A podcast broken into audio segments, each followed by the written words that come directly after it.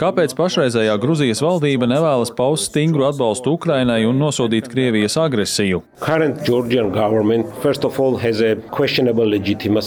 Sāksim ar to, ka pašreizējai Gruzijas valdībai ir apšaubāma leģitimitāte, jo tā atrodas pie varas pateicoties vairākām viltotām vēlēšanām. Un šo valdību vada neformāls līderis, Krievijas oligarhs Bidzina Ivanišvilī.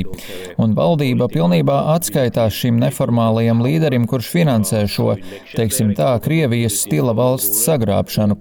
Tāpēc varam teikt, ka viņi ir Krievijas sabiedrotie un vienīgais veids, kā viņi var saglabāt varu, ir izdabāt Krievijai. Krievijai.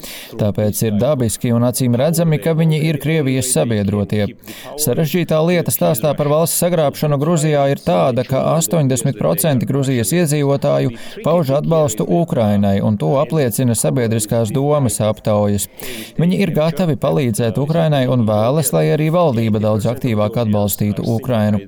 Vairāk nekā 100 tūkstoši iedzīvotāju piedalījās vairākās Ukrainas atbalsta demonstrācijās Gruzijā. Savukārt valdība rīko rīkojas gluži pretēji, un tā ir lielākā Gruzijas valsts problēma. No vienas puses iedzīvotāji atbalsta Ukrainu brīvības idejas un to, ka ir jāsakauj agresors Krievija, jo Gruzija bija pirmais upuris Krievijas agresīvajam revizionismam, bet no otras puses Krievijai izdevās īstenot Gruzijā valsts sagrābšanu ar neleģitīmas valdības un oligārhu tīklu palīdzību. State through illegitimate government and through the oligarchic network. Is it a sign of uh, Georgia's return Vai tas liecina par Grūzijas atgriešanos Krievijas ietekmes orbītā un virzīšanos prom no Eiroatlantiskās integrācijas ceļa?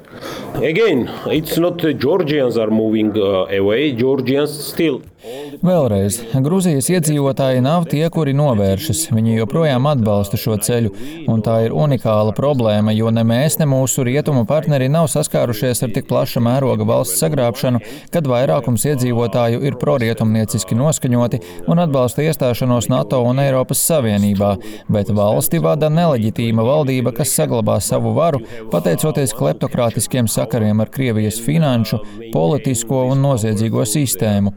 Bet jā, Gruzija ir valsts, kas attālinās no integrācijas rietumu sabiedrībā. Pēdējais piemērs tam bija valdības ierosinātais ārvalstu aģentu likuma.